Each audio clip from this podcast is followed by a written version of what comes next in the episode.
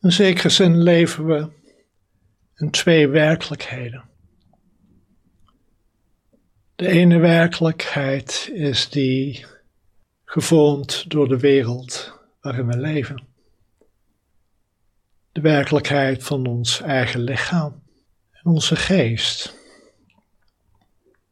En onze geest creëert een tweede werkelijkheid, die gevormd wordt, gemaakt wordt met gedachten.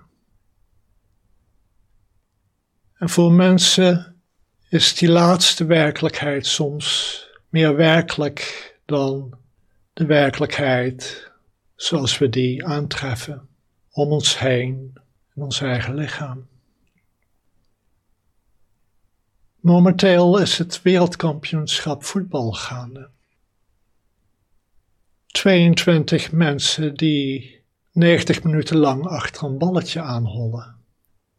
Met 20, 30 of 40.000 mensen in het publiek die juichen en schreeuwen. Die aan het eind van de wedstrijd of uitgelaten blij zijn of triest en soms zitten te huilen. En dat is omdat we niet eenvoudigweg 22 mannen zien rennend achter een bal, maar omdat in onze geest het ene team verschilt van het andere. Misschien is het ene team Nederlands, het andere team Argentijns. We zijn natuurlijk allemaal geboren in één ongedeelde wereld. Maar ook in ons hoofd hebben we de wereld opgedeeld met denkbeeldige lijnen.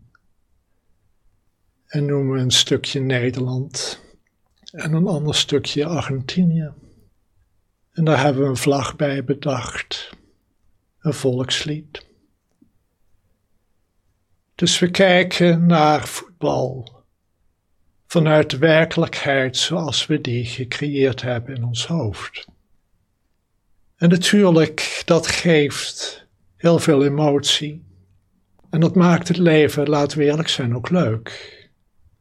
Zo'n voetbalwedstrijd is spannend.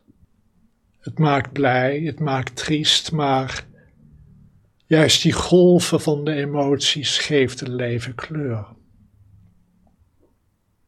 Toch kunnen we ook gevangen raken in de werkelijkheid zoals we die creëren in ons hoofd.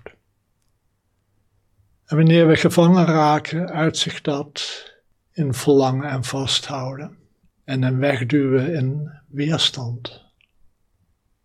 En het is verlangen en weerstand die het pad van lijden plaveien. Soms voor onszelf, soms voor anderen. In de meditatie proberen we de gecreëerde werkelijkheid in ons hoofd te doorzien. Te beseffen dat gedachten niet substantieel zijn, geen concrete werkelijkheid in zich hebben maar in zekere zin slechts aanduidingen van hoe we naar de wereld kunnen kijken.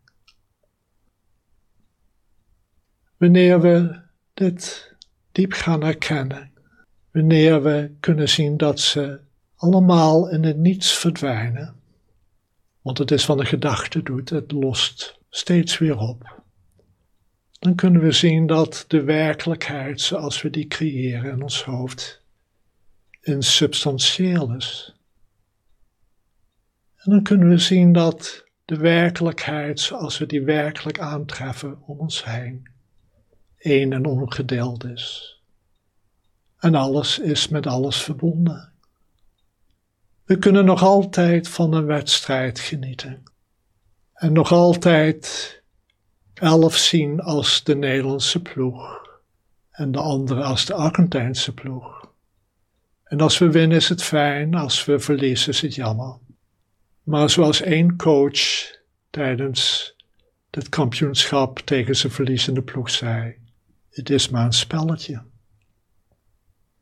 Het betekent onbevangen blijven, waardoor we eigenlijk nog meer kunnen genieten van de blijdschap en het verdriet, van de golven die het leven kleur geven. Laat ik afsluiten met een paar mooie woorden hierover van zijn meester Hongxi. En hij schrijft: Beoefenaars van onze traditie, oefenen grondig, zonder ook maar iets met zich mee te dragen. Hun open geest is sprankelend en puur. Ze zijn als een spiegel die een spiegel weerspiegelt. Niets wordt beschouwd als uiterlijk, geen stof kan zich erin ophopen. Alles wordt door hen volledig belicht.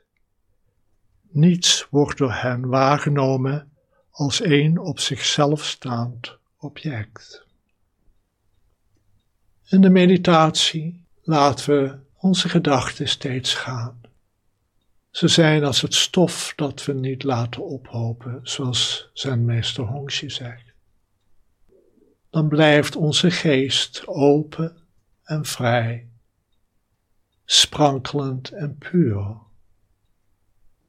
Het ziet de eenheid van alles en neemt niets als afgescheiden en op zichzelf staand. En tegelijkertijd kan het genieten van het schouwspel van het leven. Dit is de vrede en vreugde die de oefening ons brengt.